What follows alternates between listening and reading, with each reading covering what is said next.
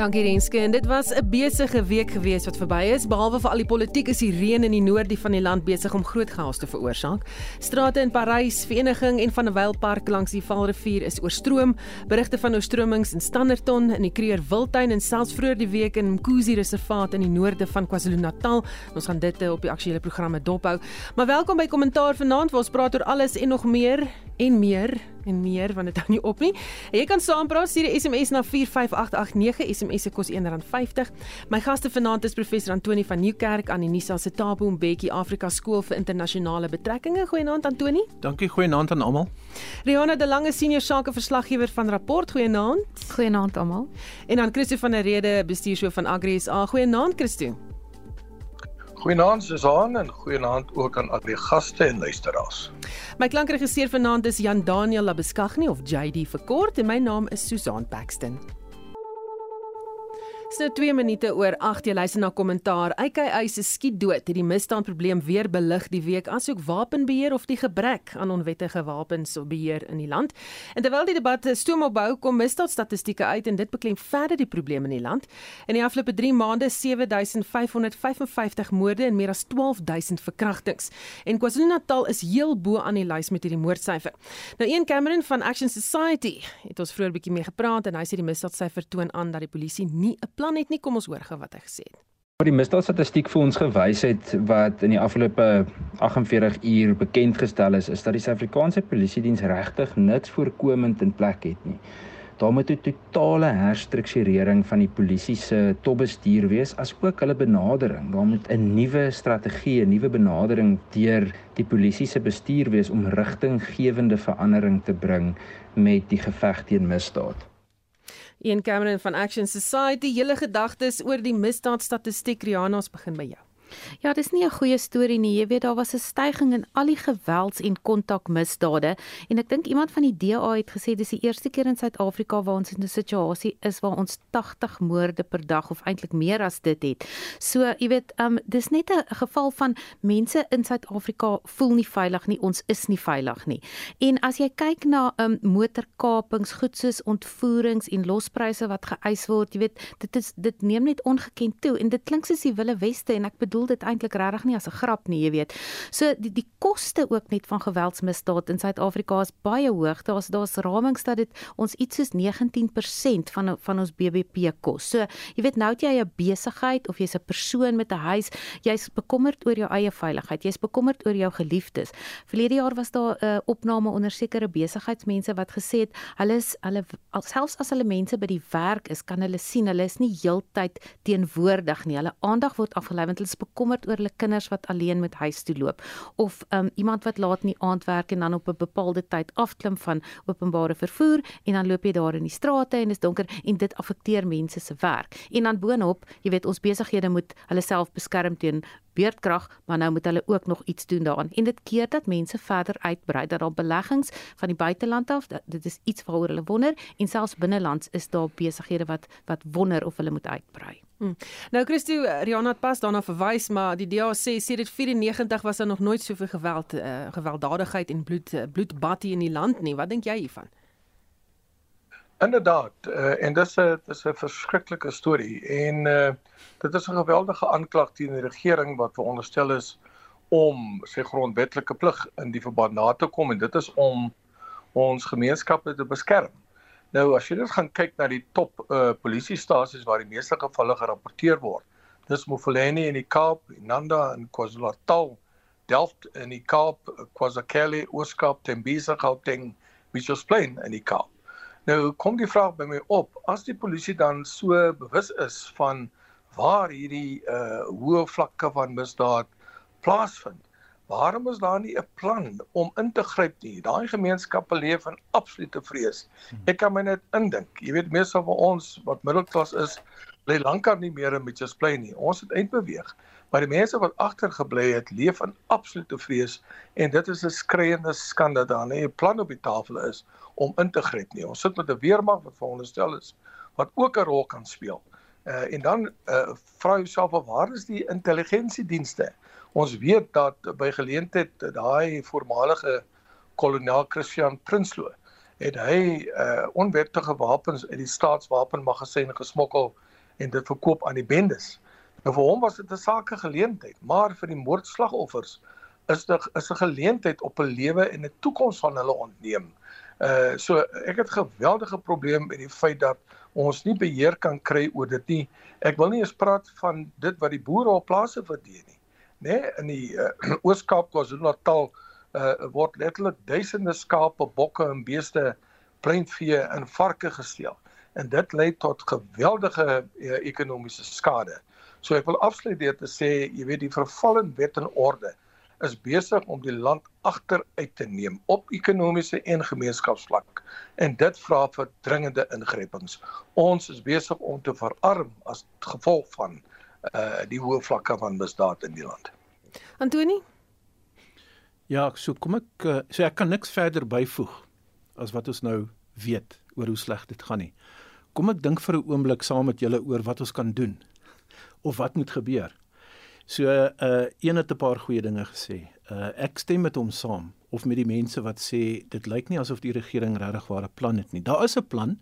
Die plan se naam is Bekkie Cele en hy het gesê ons het verlede jaar 10000 uh uh konstabels op die straat gesit en hierdie jaar is nog 10000 en toe dit sê toe glimlag hy selfvoldaan asof hy 20000 mense uh wat nou aangestel word hierdie probleem gaan oplos en en waaroor hy nie gepraat het nie en ongelukkig het niemand vir hom gevra nie hoe word hierdie mense opgelei en wat se ondervinding gaan hulle dan opdoen voordat hulle ontplooi word in die straat. Terwyl jy dit sê, een ja. Cameron het daan ook geraak. So terwyl jy dit noem, wil ek hê ons moet na daai klankgreep ook luister. Uh, Jadius het hom kon speel. Gaan dit nou aansluit by dit wat jy sê? Op die stadium weet ons van verskeie spesialiseenhede oor die land, die klein bietjie spesialiseenhede wat daar werklik is wat regtig 'n tekort aan opleiding het. Baie van daardie beamptes kom net so uit die college uit, is in eenhede gesit waar hulle werklik gevaarlike werk doen maar daar's byvoorbeeld nie ammunisie om te gaan oefen en en skiet nie. Daar's nie ammunisie vir opleiding nie en daar is net nie opleidingskursus geleenthede nie. Daar's ook nie loopbaanbeplanning vir junior beamptes nie. Maar terselfdertyd sien ons dat daar in 2022 die nuwe distriksbevelvoerder in die Oeverberg in die Wes-Kaap is wat sommer maar net 'n generaal-majoor geword het. Sy het in die polisie ingekom in 2011 as 'n brigadier in 'n kommunikasiepos. Kort daarna sy sigbare polisieeringshoof vir die hele Vrystaat geword in 'n operasionele rol en kort daarna het sy bevordering gekry na generaal ten spyte al die dissiplinêre prosesse ensovoorts. Nou, daar's klomp van hierdie soort voorbeelde. So as ons nie die topstruktuur gaan herstel nie, dan kan ons nie verwag dat 'n grondvlak verandering kan kom nie. Nog 'n plan wat hy daarvoor lê. Ja, so kom ek praat nou verder oor die manier waarop hy praat. Ek stem ook met hom saam. Uh gaan operasionele verfyning en aandag die probleem oplos. So veronderstel ons lei mense beter op. gaan dit die probleem oplos? Gaan ons moet ons van die politieke leiers ontslaa raak. So sit 'n ander minister in of 'n adjunk, 'n minister en 'n adjunk, gaan dit die probleem oplos? Uh ek dink nie een van hierdie goeters is die is die noodwendige oplossing nie. Ons moet 'n klein bietjie anderste daaroor dink en dit is ons moet die ons moet 'n stelselbenadering volg. En laat my net toe om hierdie sin te maak. Ehm um, Uh wat is daai uh, verkrachtingsstatistiek? So dis oor die 12000. Right, 'n 'n polisie man en vrou wat in die bakkie in die straat ry, gaan moeilik sukkel om 'n verkrachting te voorkom. Want ons weet nou dit gebeur binne in die huis, jou intieme partner weet doen dit aan jou of 'n kind word word gruwelik mishandel. Daar moet 'n ander departement daar intree. Van van laer en hoër onderwys na sosiale en maatskaplike werksters na binnelandse sake na die polisie na misdaadintelligensie uh met ander woorde ons moet kyk na 'n spektrum van staatsdepartemente wat kan saamwerk om van hierdie probleme aan aan te spreek. Uh Christo het gesê ons weet waar die polisiestasies is waar die arm mense die meeste sukkel Nou ja, ons het baie statistieke en feite tot ons beskikking en so ons kan 'n grondige herstrukturering begin. Maar die grootste ding wat ek wil sê is, dis my my takeaway vanaand is as die as die president nie 'n 'n 'n nuwe kabinet aanstel wat man en vrou sterk genoeg is om hierdie probleme aan te spreek as 'n geïntegreerde soos die Engelse sê whole of government nie sodat die polisie minister verstaan wat die intelligensie minister en die binnelandse en die buitelandse minister vir mekaar sê. As hulle nie begin saamwerk as 'n span nie, gaan ons hierdie maatskaplike probleem en hierdie uh, misdadiger probleem want dit is ook georganiseerde misdaad. Dit is nie net mense wat dronk is oor 'n naweek nie.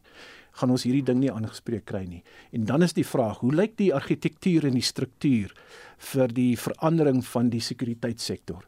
En dit is die grootste uitdaging dink ek en dis die moeilikste een. Daar's 'n plan om intelligensie te professionaliseer want Zondo het vir ons gesê waar lê die probleme. Misdaad intelligensie moet eintlik van die huis moet skoongemaak word.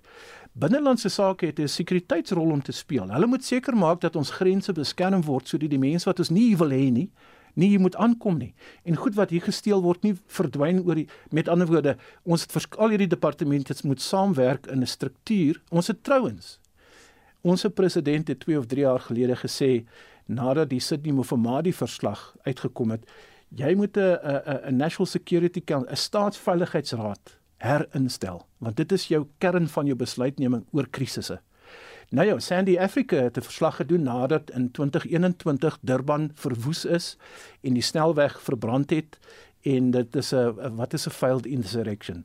'n 'n 'n 'n mislukte opstand. Ja, opstand of 'n Net daar het ons die les geleer. As as as die as die politieke stelsel nie saamwerk nie, dan kan die operasionele mense nie saamwerk nie. Dan kan ons nie besluite neem om hierdie ding die hoof te bied nie. En en ek wil nou swartgallig wees en afsluit deur te sê as ons hierdie probleem nie stelselmatig aanspreek in die volgende jaar of 2 nie met 'n besluitelose president nie, dan staar ons hierdie probleem van 'n Julie 21 opstand, 'n populêre opstand weer in die oë. En Sandy Africa se verslag het vir ons uitgewys. Ons is nie reg daarvoor nie. Dis hoekom hierdie kabinetskommeling waar ons seker later gaan praat, super belangrik is. Hmm, inderdaad gaan ons daar gesels. Ek sien dat uh, Eugene van die Parel sê die probleme is ook die howe, kriminele kry ook ligte vonnisse en is baie maal gou weer op die straat en steel weer. Uh, speurwerk is ook baie swak sê Eugene. So weer eens daai Ab, Absoluut. Eugene is reg wat ek vergeet het om te sê want die die, lys van departemente wat moet saamwerk, dit sluit korrektiewe dienste in. Hmm. Dis 'n gruwel verhaal. Ek ons moet nie eers miskien moet jy 'n storie daaroor doen op RSG. Wat gebeur in ons tronke? Wat totaal en al oorvol is en kan jy mense rehabiliteer? Dalk kan jy, maar wat van die mense wat jy nie hoe, hoe bestuur jy daai probleem? Ons sukkel daarmee. En dan wat is justice, justisie? Ja. Uh, ons het 'n goeie minister, Lamola. Ek dink hy hy het dalk 'n loopbaan in die toekoms. Maar hy sit op 'n stelsel met howe waar waar die luisteraar nou uitwys. Jy sal vanaand gevang word, ons môre môre uit op borg is 'n belaglike bedrag. Party mense kan nie het nie vingerafdrukke nie, kan nie treis word nie die ou verdwyn oor die grens.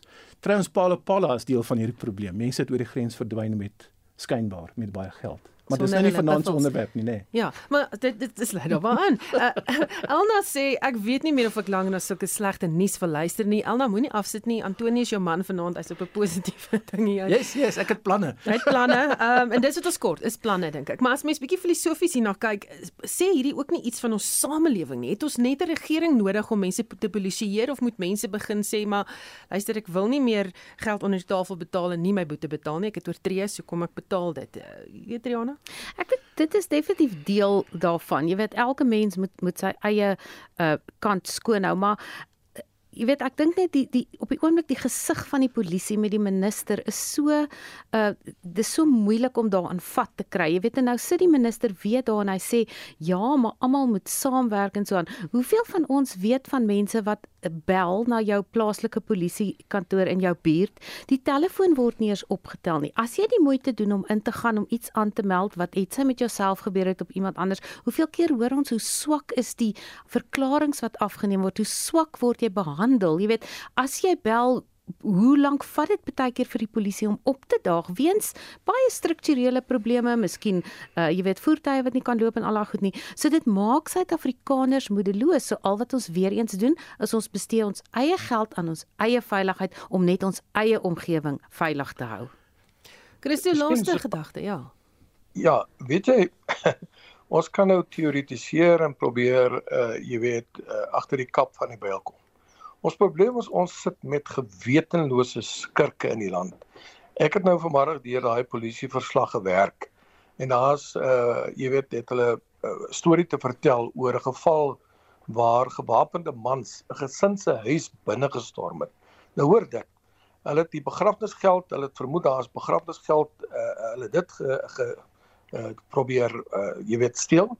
Uh en uh terwyl die familie besig was om 'n familielid te begrawe. Uh hulle het sewe familielede doodgeskiet tussen die ouderdom van 29 tot 68. Dis die tipe van mentaliteit wat hierdie tipe van skurke en uh uh misdadigers openbaar. My vraag is dit, gaan jy dit uh, uh jy weet te bowe kom met 'n uh, sagte benadering of gaan jy dit te bowe kom met 'n effektiewe polisie mag wat optree en wat seker maak dat hulle nie net in die samelewing verwyder word nie, maar dat hulle jy weet behoorlik beantwoord word met dit wat hulle uh uh benut om slagoffers uh dood te maak mee. En en uh, ons as ons dit nie daai vlak want dit is wat aan die gebeur is. Hierdie misdadigers begin die oorhand kry en hulle weet die polisie se hande is soms gebind as gevolg van allerlei uh jy weet uh uh wetgewing en regulasies en ons is besig op uh, om om onsself op 'n afdraande afdraande pad te begewe as ons nie uh jy weet ernstig ernstig gaan optree en hierdie uh, tipe van misdade onder bedang kry nie. So Susan ons moet onsself nou nie in moedverloorse vlakte inpraat nie. So ons moet oor ander goed ook praat, maar ek wil sê in reaksie op wat Christo sê. Uh, Natuurlik is, is hy reg. Uh, dit is 'n nagmerrie. Maar maar ons die, die ons kan nie vir die regering sê gaan staan in die hoek, ons gaan self vir die probleem bestuur nie want dit is te kompleks en dis gewelddadig in baie gevalle. Maar daar's ook eh, so die die regering en die sekuriteitssektor, soos wat ek dit nou-nou verduidelik het, moet hy skoonmaak en begin saamwerk want geen een van ons gewone burgers op die straat gaan inmeng as sewe mense in 'n huis instap of jou kar wil vat of sulke goeders wil doen nie. So ons het daai ernstige misdaadvoorkomingsstrategie nodig. Maar as die huis skoongemaak kan word, dat ons dan het ons as aktiewe burgers ook 'n rol om te speel as jy deur die rooi robot ry of jy sien iemand is besig om om 'n slegte ding te doen, uh, daar moet 'n nommer wees wat werk. Ek weet na, uh, 10111 het 7 miljoen uh, oproepe gemis. Dis weer eens, as die huis aan die een kant skoongemaak word, kan ons as aktiewe burgers begin saamwerk. In die straat waar ek bly, hier aan die ander kant in Randburg, het ons 'n WhatsApp groepie. 3 uur in die oggend blaf 'n hond en dit klink snaaks. Mense, jy weet, uh, uh, gaan kyk. Nou dis die tipe van kultuur wat ons kan begin kweek op 'n op 'n wat is 'n modest op 'n op 'n op 'n mikroflak ja. Dis op 'n mikroflak, dis reg. Ons gaan nie die georganiseerde bendes vasvat nie. Hulle is gewelddadig en baie gevaarlik. Dis hoekom daai sekuriteitssektor, die die weermag, die polisie, intelligensie sal moet saamwerk. En een het vroeër gesê ons moet gespesialiseerde eenhede kry. Ons het nog eers gepraat van kubermisdaad nie en hoe dit ons uh, in die wiele ry nie. So, dit is ek dink die perspektief wat ek daarop het. Hm, interessante gesprek sien luisteraars gesels ook uh, flink saam daaroor. Jy kan steeds uh saamgesels daaroor en vir ons 'n SMS stuur so 'n bietjie later kyk vir so tyd het. Ander tema vandag natuurlik ook energieminister. Hy is net 'n projekbestuurder was hoofopskrifte die afgelope week. Rudy Dix, hoofsekretaris van die Nasionale Energiekrisiskomitee sê ook hulle gaan nie wag op hofuitsprake uh om te sê of hulle nou kan voortgaan met hierdie ramptoestand nie, maar hulle gaan voort om hierdie krisis op te los en dit na verskeie hofsaake ingedien is teen die ramptoestand wat aangekondig is. Maar nie kom, dis nou waar die Dix is blyk ook nog bietjie in die duiste te wees oor wat presies hierdie planne is. Ek sien die Daily Maverick kyk na 6 aksiestappe. Dis nou batterye om krag in te stoor, kwytskelling van energieregulasies op nuwe opwekkingsregulasies, die aankoop van krag, uh een plek waar die opwekkingsaansoeke ingedien kan word, 'n gesentraliseerde stelsel, 'n koste-raamwerk en dan 'n maatskappy wat die tran uh, transmissienetwerk sal bestuur. So 'n paar planne wat daar is, weet nog nie het ons enigiets meer al gehoor nie, Rian. Ja, ek dink net wat die wat die minister van elektrisiteit, dit is nou omtrent iets waaroor almal die hele week heeltyd gepraat het en almal spekuleer oor wie dit is. Ek sien vandag is is van die nuutste dat uh, president Ramaphosa se voorkeurkandidaat is, Goshenzo Ramaphosa, wat nou so as hy die afgelope 3 jaar is hy aan die hoof van in, infrastruktuur Suid-Afrika. So dit is ook 'n inisiatief wat binne die presidentskap geskep is om groot infrastruktuurprojekte aan die gang te kry, jy weet, om rompslomp en hindernisse en sulke goeders uit die weg te ruim sodat ons uiteindelik kan begin daarmee en dit op 'n manier die ekonomie kan ontsluit en dat dit beter kan gaan. So hy het ehm um, Ramagopa die die afgelope week het hy bietjie gepraat oor wat al bereik is. Daar is dele wat waar dit beter gaan met infrastruktuur, maar daar is ook dele waar hulle agter is. So as jy nou wil kyk na 'n man wat nou projekte moet bestuur, dan is hy nou dalk ehm um, die man, maar ehm um, ek dink net daar's baie ontleeders wat sê nou het jy wrywing reeds tussen Gwedi Mantashe wat die minister is van minerale bronne en energie en Pravin Gordhan wat aan die hoof staan van openbare ondernemings en nou gooi jy 'n derde minister in die mengsel hierin. Ehm um, gaan hy nou bo hulle almal wees? Gaan hy nou die wrywing tussen hulle bestuur? Ehm um, jy weet in hoe mate gaan hy kan werk so met met Eskom en Eskom se direksie soos die president sê hy moet, ehm um, sonder dat daar weer politieke inmenging en goed gaan wees dat Eskom nie hulle werk kan doen nie. So ek dink daar is net geweldig baie vrae nie net oor wie die kandidaat is nie, maar presies hoe dit hoe dit gaan uitspeel. Ek dink dit is belangrik dat dit dat dit iemand is wat goed, hy moet naby Ramaphosa wees en iemand wees wat wat iets gedoen kan kry, maar um, ek dink daar's nog te veel vrae nog. Hmm. Dan Bernard Beekman skryf in die beeld Cyril die rondvaller, sy besluitloosheid is onderskoot en in die City Press dan 'n berig oor ANC hoes wat moeg is vir Cyril se besluitloosheid. Iets wat mense al meer oor praat en lyk like my frustreer. Uh Christo, hoe belangrik is dit dat die aankondiging kom hieroor? Weet jy ons is uh, baie nou betrokke uh, oor die afgelope tyd uh, by by al hierdie goeders. Uh ons het uh, alreeds met Eskom by geleentheid vergader eintlik op 'n weeklikse basis en dan ook met die minister van openbare ondernemings. En dan het ons uh, net voor die afkondiging van die ramptoestand met uh Nekom as ook uh die ja, die ministerie van openbare ondernemings as ook met Eskom vergader. Nou die interessante ding is ons het die hele verslag opgestel. Die interessante ding is dat al drie van daai instellings weet presies waar die probleme is. En Eskom het 'n baie praktiese benadering, uh, jy weet, om die probleme op te los. Maar wat is die probleem? Die probleem is daar's geen beleining tussen hierdie verskillende departemente nie. Daar's ook 'n gebrekkige politieke wil om die sweep te klap en uh seker te maak dat die uh 'n bureaukratiese rompsom uitgeskakel word. Minister Pramagordan het in ons vergadering erken, een van die groot probleme is die uh, slakke pas waarteen Nersa uh, goedkeurings moet gee. Uh en ook die verskriklike klomp wetgewing wat daar is om uh jy weet jy moet by al daai wetgewing verbykom voor jy uiteindelik by 'n besluit kan uitkom. En dan die ander groot probleem is die tekort aan geld. Daar's nie geld vir diesel nie uh die weet die die uh, minister van finansies sal 'n paar haas uit die hoed uit moet trek om te red wat dat red is in terme van die finansiering van Eskom. Uh en dan uh bly Nersa die groot stok in die wiel want besluite wat deur Eskom geneem word word of uh jy weet geïgnoreer of uh dit word afgekeur of hulle vat net baie lank om dit goedgekeur. Nou wat nodig is is jy het nie 'n noodtoestand nodig om uh die polisie hulle werk te laat doen om die kabeldiefstal te voorkom of vir die intelligensiedienste om die korrupsie uh by Eskom vas te vat nie. Nog minder het jy 'n noodtoestand nodig om al hierdie stukke wetgewing te verslap want die ministers het die reg om dit te doen en daar is ook uh blykbaar noodwetgewing wat gaan ingespan kan word om al hierdie bureaukratiese rompslomp uh, te oorkom. Wat ons nodig het is werklikbaar politieke wil, maar dit help nie. Die president probeer uh al hierdie goeders in sy presidentskap sê uh, jy weet uh sentreer nie. Hy moet die ministers wat verantwoordelik is vir die nie uitvoering van sy opdragte moet hy fire. Want dit help nie ons uh stel 'n uh, minister van elektrisiteit aan en daai minister se hande word soos 'n deryter en 'n Jan Oberholse se hande agter hulle uh, rug vasgemaak as gevolg van hierdie politieke uh, ondermyning en politieke twiste tussen verskillende ministers op kabinetsvlak nie. Ek sien 'n luisteraar sê Andre de Ruyter vir minister van elektrisiteit. So daar's 'n voorstel, miskien ander mense ook voorstel. Ek sien Antoni skud sy kop. Nee. Nee, nee hy het sy kanse verspeel.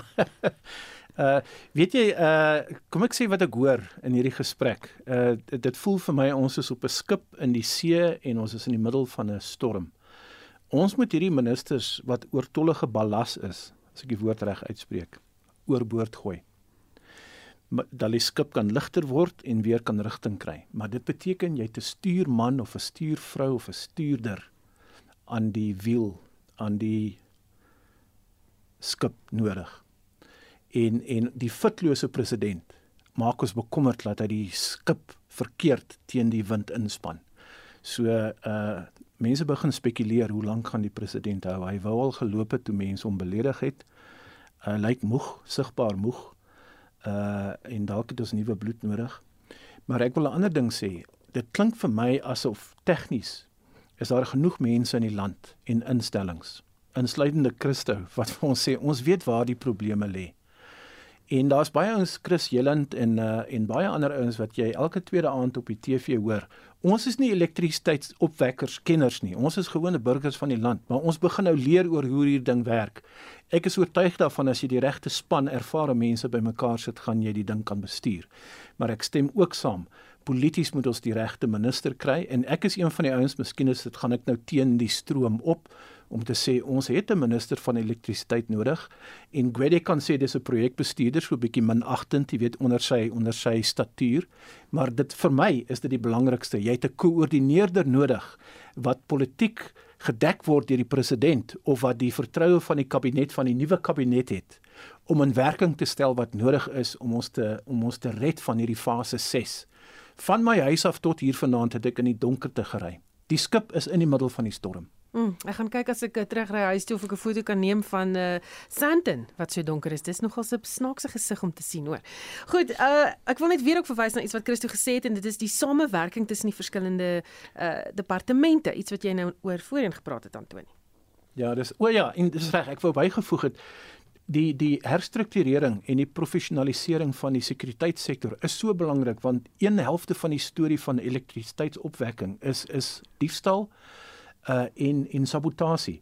Daar's stories wat loop. Ons ons weet nie nou as joernaliste en kommentators of ons die feite tot ons beskikking het nie, maar ek is ek is oortuig as ek na ander luister en ander mense dat daar doelbewus gesaboteer word om hierdie organisasie te laat misluk sodat ander mense de, en daar's twee weergawe. Die een is laat die staat faal en sodat die private sektor tot ons redding kom en dan privatiseer jy en dan voor jy dit weet betaal jy baie geld vir hierdie uh uh uh maatskappye wat van die buiteland af inkom en ons ken daai dit is die linkse argument.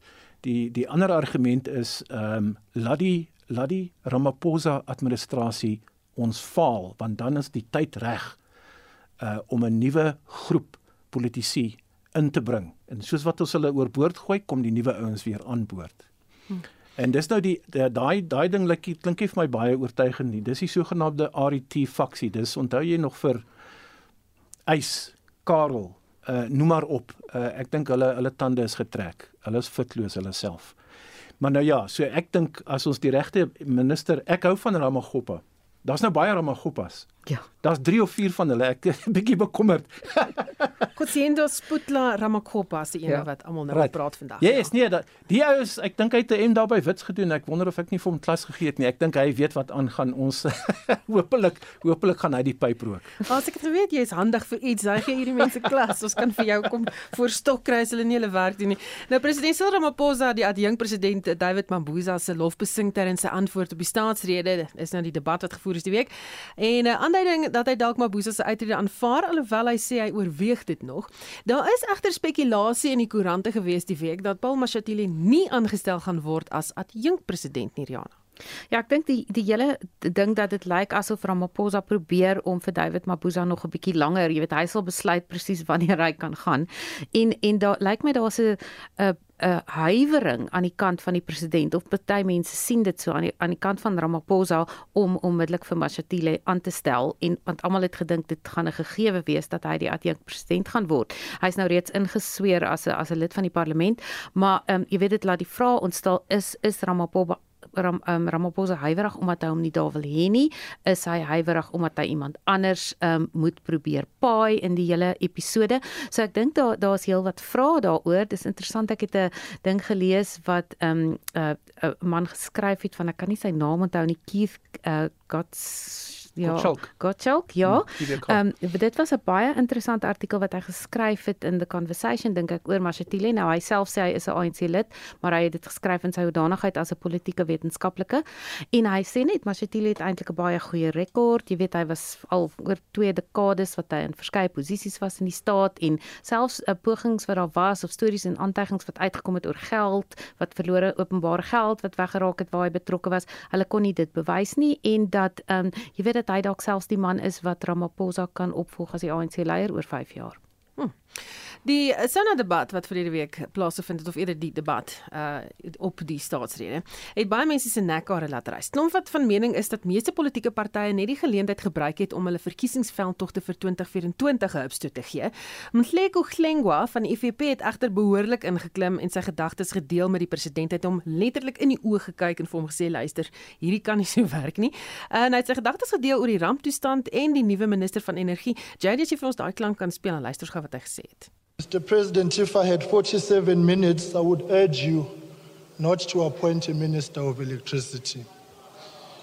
Because you are duplicating political bureaucracy in a already bloated and excessive cabinet, where you've got a Minister of Minerals and Energy who deals with policy. The Minister of Public Enterprises continues to be the shareholder. At the same time, you have declared a state of disaster, which the Minister of COCTA comes in to actually deal with those matters. On top of that, you have got NICOM, which is dealing with this crisis in the presidency. And what is clear, Mr. President, is that every time your ministers don't perform, instead of firing them, you protect them by taking things into the presidency. Be decisive, Mr. President. Fire them. Don't have a nanny cabinet. I'll see you, nanny. If they are not working, fire them. Christo, wat dink jy van die oppositiepartye se debatte na die staatsrede? Weet jy dit was 'n hartseer dag, beginnend by die EFF wat natuurlik hulle ou streke uitgehaal het om die hele plek om te dol en toe die vermetelheid gehad het om bo op die verhoog te gaan spring waar die president sit. Dit was 'n absolute absolute sirkus soveel so dat 'n mens se uh, uh, hoop vir die land heeltemal in jou skoene teruggesak het. En ek dink die kiesers, die kiesers wat hierdie sirkus gade geslaan het, sal moet indringende besluite neem.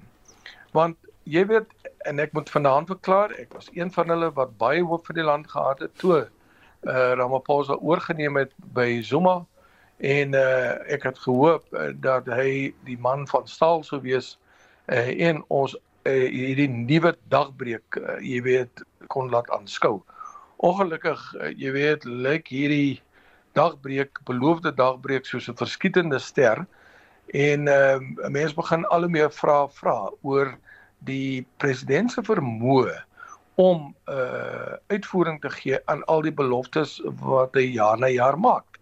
Maar weet jy daar's een groot rede waarom die president nie kan beweeg nie. En baie mense het gesê toe die president nou weer ingestem was onlangs, toe sê hulle wag, nou het die president 'n baie beter kans om uitvoering te gee aan sy beloftes. En as 'n mens mooi die ding gaan analiseer, dan gaan jy sien dat die president is eintlik in 'n baie swakker posisie. Want eh, aan die een kant het jy die ehm uh, radikale faksie en hulle is besig om op 'n manier uitmekaar uit te val. En dan hier natuurlik die Ramaphosa faksie. Maar dan het jy die middelgroep. Ek noem hulle sommer die manteldraaiers. Né? Nee? En van hulle is nou, jy weet, in topposisies binne die ANC. Dis eintlik die gevaarlikste mense. Want hulle is nog lojaal teenoor die ANC, nog minder hulle is lojaal teenoor die president. Hulle is slegs lojaal teenoor hulle self en hoe hulle self kan posisioneer vir die toekoms. So ehm uh, jy weet uh, ek dink uh, die kiesers sal 'n ingeligte besluit moet neem. Eh, maar my groot probleem is die oppositie. Uh, ons oppositiepartye praat nie uit een mond nie. Daar's geen poging om die egos een kant toe te skuif en te sê mense hoe werk ons saam in belang van die land nie. Uh en in die afwesigheid van 'n gekonsolideerde uh, uh oppositie 'n magsbasis gaan ons nog groter moeilikheid hê vorentoe.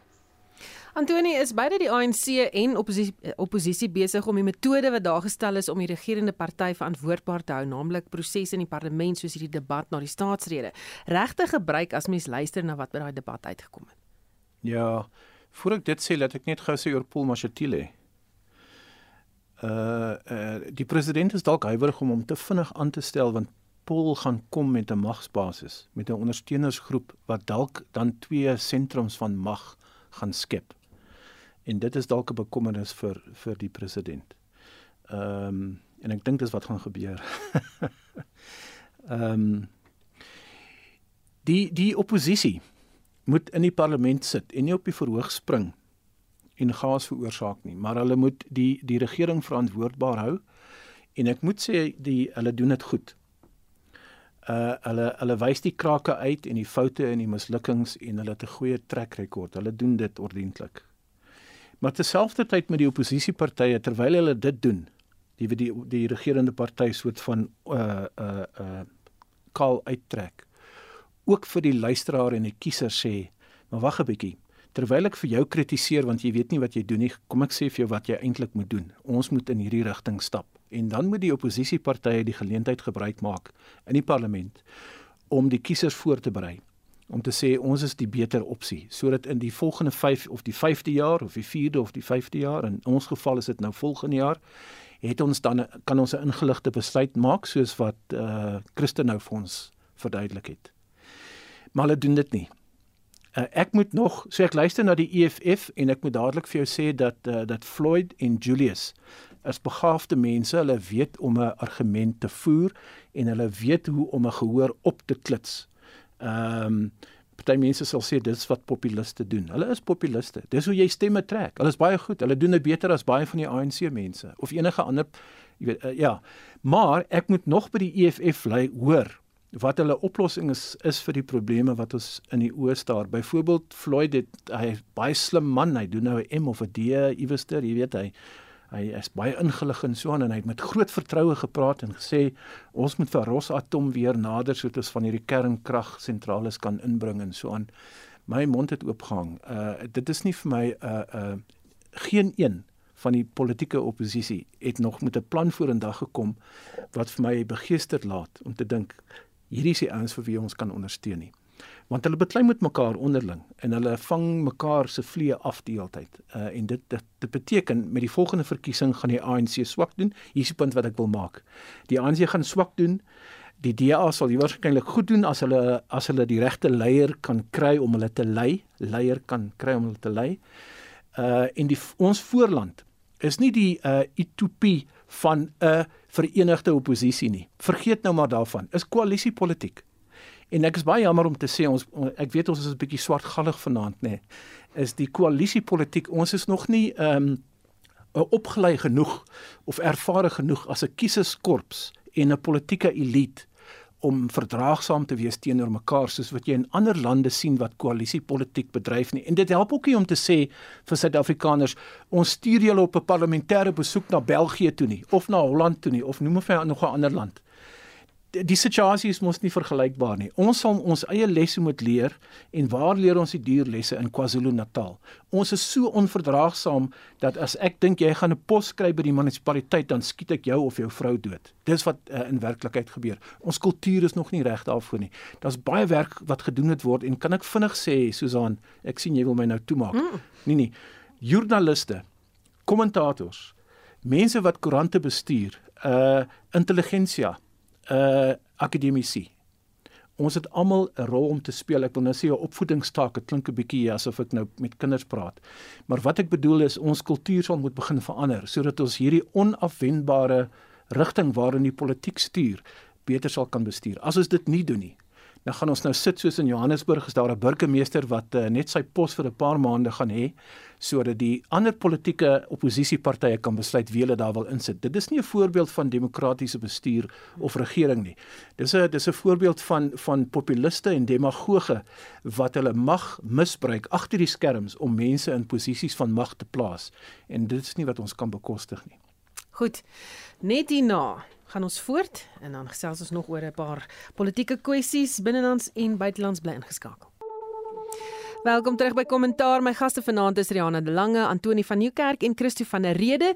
Die begrotingsrede word die week gelewer. Die president sal na verwagting eers na die begrotingsrede donderdag middag sy kabinetskommeling aankondig. Uh nie daai middag selfs nie, maar eers bietjie later. Die begrotingsrede sal ook regstreeks uitgesaai word op RSG, so moenie dit misloop nie. Christo, wat verwag jy van hierdie begrotingsrede? Wel, Susan, uh, as ons uh, belasting kan verlaag vir Jan en San publiek daar buite sal dit werklik waar 'n uh, stap in die regte rigting wees. En dan tweedens, jy weet van landbou se kant af soek ons daadwerklik ondersteuning van die staat. Want nou dit is 'n uh, grondwetlike opdrag uh wat die regering aan uitvoering gee. Dit is uh, artikel 27 van die grondwet wat sê mense moet toegang tot kos en water hê. En uh dit is die landbousektor wat 'n uh, uiters uiters kritiese rol in daai verband speel. Ek sê nie dat die ander ekonomiese sektore is minder belangrik nie, maar alles staan of val met 'n bord kos en 'n toegang tot kos. En dan het ons ook 'n hele klomp voorstelle ingedien uh by tesorie uh in terme van hoe ons dalk kan kyk na uh jy weet allerlei in insentiewe om mense aan te moedig om meer selfversorgende raak in terme van uh hulle kry eie kragopwekking. So uh um uh maar daar's daar's 'n paar goed waar wat ek dink wat daar werklik waar oor oor deeglik besin moet word. Uh en een is die geweldige hoeveelheid geld wat jaarliks nou bestee word aan welsynstoelaas en die poging om dit verder uit te brei.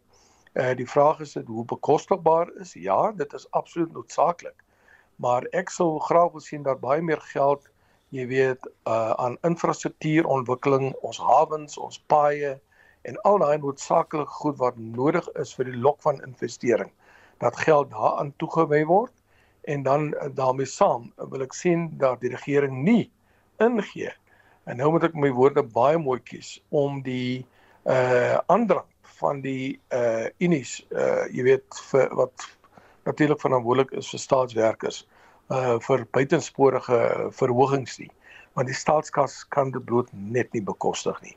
En my groot uitdaging is natuurlik die hoeveelheid geld wat ons jaarliks aan die buitelandse lenings moet terugbetaal. Ek meen as jy net kyk na daai amper 300 miljard rand wat ons net aan rentebetalings uh moet oorbetaal aan aan uh jy weet aan die plekke waar ons geld leen, kan jy 'n massiewe klomp uh verligting bring nie net in terme van belastingtoegewings nie, maar ook in terme van die bou van addisionele skole, hospitale en ook uh, sorg dat die infrastruktuur reggerig word en dat Eskom die nodige finansiële ondersteuning kry om krag te lewer aan aan die land. Antoni, wat wil jy graag hoor uit hierdie begrotingsrede? Ek so ek is nou nie ekonom nie, maar ek het 'n vermoede en Rihanna gaan ons nou nou reg help dat hierdie begrotings is bietjie soort van uh hulle loop maar almal op dieselfde pad. Daar's 'n inkrementele uh vermindering of vermeerdering vir die een of die ander afdeling, departement of funksie en so aan. So ek sien nie verskriklike groot verandering nie. Ek mag heeltemal verkeerd wees, maar as dit die geval is en en uh staatstoela word befonds en onderwys kry klomp geld en uh wie kry nog klomp geld? Gesondheid gesondheid kry klomp geld. I mean ons kan nie daarmee argumenteer nie. Ehm um, dan laat dit my met die enigste vraag en dit is het ons 'n staatsdiens wat vermoënd genoeg is om die geld te ontvang en dienste te lewer. Ehm um, staatsdiens amptenare maar ook uh, bestuur op provinsiale en munisipale vlak. So ons ken daai storie. Ons gee geld en begrotings vir munisipaliteite. Hulle wanbruik of misbruik dit of uit onkunde of omdat hulle gierig is of hulle stel die stuur die geld terug en dan sit ons met die onafgelewerde dienste. Dis vir my die grootste probleem. Verlede jaar, laat verlede jaar het het die kabinet gesê ingestem soos wat die nasionale ontwikkelingsplan al 5 jaar gelede gesê het. Ons het 'n ons het 'n vermoënde staatsdiens nodig. Mense wat in hoë strategiese posisies aangestel moet word, moet op meriete aangestel word. Trouens, jy kan nie meer 'n DG wees as jy 'n M of 'n D het nie. I I like the idea. Daar's genoeg skole uh, by universiteite wat mense kan oplei om dit te doen. Maar dis nie hierdie elite is nie die probleem nie. Dis die dis die ehm uh, absorption capacity, dis die vermoë van die staat en die dienste wat gelewer word om dit reg te bestuur. En uh, ons ken die statistiek van munisipaliteite wat munisipaliteite wat nie werk nie. En dan is die groot vraag, Susan. Jy sal ander mense moet nooi om vir ons te help om hieroor te te worstel. Wat moet ons doen om die om daai begroting te laat werk op grondvlak? Dis vir my die uitstaande vraag. Belangrike vraag wat Antoni daai het want ek vra nou vir jou Rihanna, jy weet, uh, hoe moeilik gaan dit wees vir die minister van finansies om Ramaphosa se planne te laat werk? Ja, ek dink um, mens moet net aan die in die eerste plek sê daar's baie positiewe gevoel oor en nog en nog Konongwana, hy's hy's 'n goeie minister. Jy weet tot dusver het hy baie mooi die fiskale pad geloop van konsolidasie om te bespaar waar dit kan, maar wat wat vir hom nou moeiliker gaan raak is ons het 'n goeie belastingjaar gehad en ons weet almal dat in mynbou terme het het dit baie gehelp om maatskappybelasting op te stoor. Daar was 'n surplus op wat die wat hulle sou insamel en dit gaan in 'n mate weer hierdie jaar gebeur, maar dit gaan minder word en dit gaan stelsel stelselmatig minder word het die ekonomie geraak. So sy sy balanseer toertjie raak net 'n bietjie meer um jy weet dit raak meer ingewikkeld en daar's minder beweegruimte en ek dink die groot ding gaan wees is hoe hy die geld gaan versprei en vas gaan staan teen die hoë um salarisverhogings miskien in die staatsdiens en dan ook uh jy weet as dit uit al in die verlede gesê ons kan nie enige permanente soos 'n basiese inkomste toelaag bekostig as daar nie bykomende um inkomste is nie en dit is die groot goed wat ons sal dophou. So, ons gaan uitsien daarna. Ander storie wat baie interessant was, uh vandag rapport se voorblad vanoggend gaan oor die weermag se besteding van 220 miljoen rand aan die weermagdag. Die eerste berade wat nog gehou word, verskeie bronne wat sê dat die geld beter bestee kon gewees het soos om die rekenaarstelsel reg te maak wat oorverhit en tot die totale ineenstorting van hulle netwerk kan lei. En dit sal daartoe lei dat niemand byvoorbeeld salarisse kan kry in 'n maand sou daai stelsel ineenstort nie. Ehm um, daar is dan nou uh, gedeeltes van die storie wat vertel dat generaals in luxe gastehuise tuis gaan en die soldate in modder en vloedwater moes bly en na die media se navraag na is hulle na gemeenskapsale geskuif. Asook die leerorkes se lede wat by die vakbond gaan kla oor die feit dat hulle self moes betaal vir hulle reis parlement toe en toe die bus vol diesel moes maak vir die weermagtig berade terug Richards Bay toe. Dit boesem nie vreeslik vertroue in nie Antoni. Ja ehm um, dis eintlik 'n thriller verhaal. Ek dink Erika Gibson het dit geskryf nê nee? Uh sy het baie van hierdie insigte wat sy wat sy deel. En uh dit beklemtoon ehm uh, die patroon wat ons nou herken en dit is uh, die die stelselmatige aftakeling van die weermag omdat hy nie 'n begroting of dit hy sy hulle nie 'n begroting kry om om die regte aankope te doen en mense reg op te lei nie.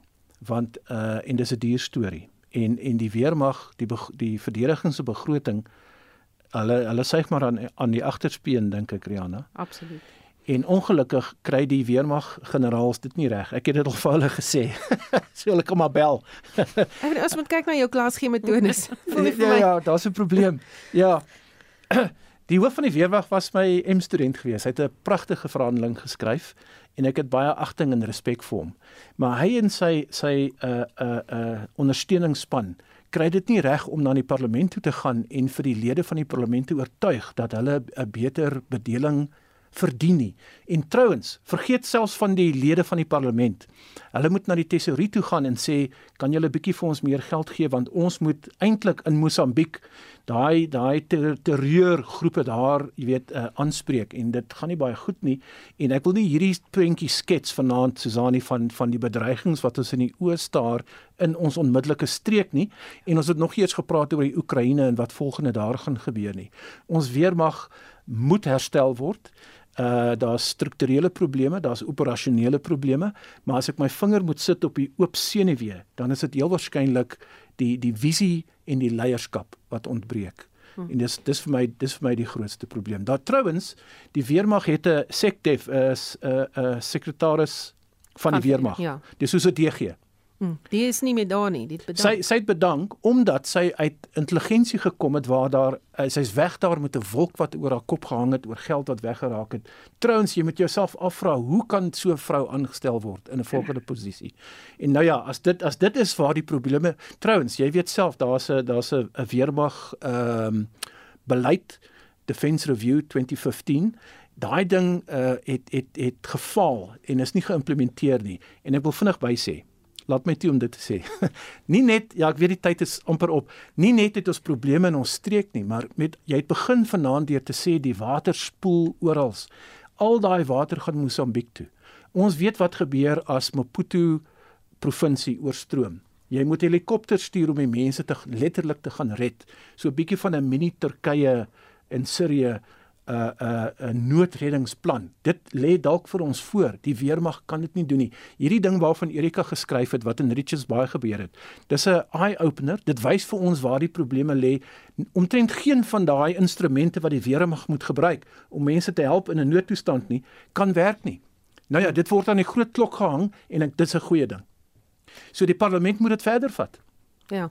So sonder om weer te herhaal en wat se swak toestand ons weermag is, Christo, ja. as mens kyk na hierdie toerusting, is dit ook 'n instansie waar korrupsie ongehinderd voortgaan weens die aard van geheimhouding in die weermag.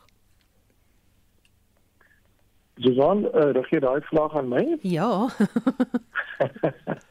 ja, maar ek was net vir 'n oomblik net my WhatsApp net weggegaan, ja. Dit van die lig verdwyn, maar eh uh, dis 'n verhaal wat oral afspeel gebrekkige leierskap uh, nie net op die politieke terrein nie maar uh, jy weet op uh, die weermag se terrein op die polisie se terrein uh, die gesondheidssektor se terrein die onderwysterrein noem dit maar op. Ons sit met absolute gebrekkige leierskap maar die groot probleem vir my is verantwoordbaarheid op die gebrek aan verantwoordbaarheid.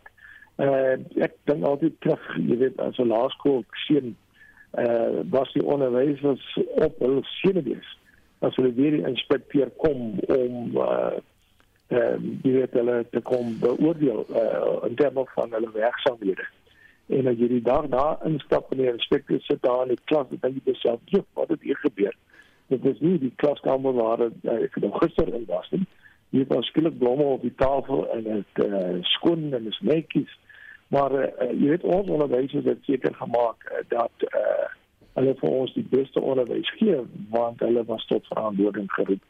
En in die afwesigheid daarvan uh, sien ons dat korrupsie gaan ongestoord voort uh swak leierskap en swak besluite en die hartseer is dat die wat in leierskap sorg net vir hulle self en diegene wat die werk doen trek altyd aan die koste in en dit op sigself is 'n uh, uh, pad na 'n uh, uh, totale inpoffing dan nou sit jy met 'n uh, 'n werks werkers mag of 'n uh, soldaat mag wat gedier gedemoraliseer is en wat dan glad nie meer inspirasie vind in uh, dit wat hy moet doen en die opdrag wat hy moet nakom om die land te beskerm nie. Geheimhouding is nie noodwendig die probleem nie of 'n gebrek aan aan uh wat het ek sê? Uh verantwoording nie. Ek luister na die ehm uh, daar's so 'n diens, the PMG. Daar's 'n diens wat gelewer word. Jy kan na elke ehm um, komitee in die parlement se se ehm um, besprekings luister. Hmm, vergaderings ja. Vergaderings soos wat hulle departemente, departementshoofde en ministers roep om verantwoording te kom doen.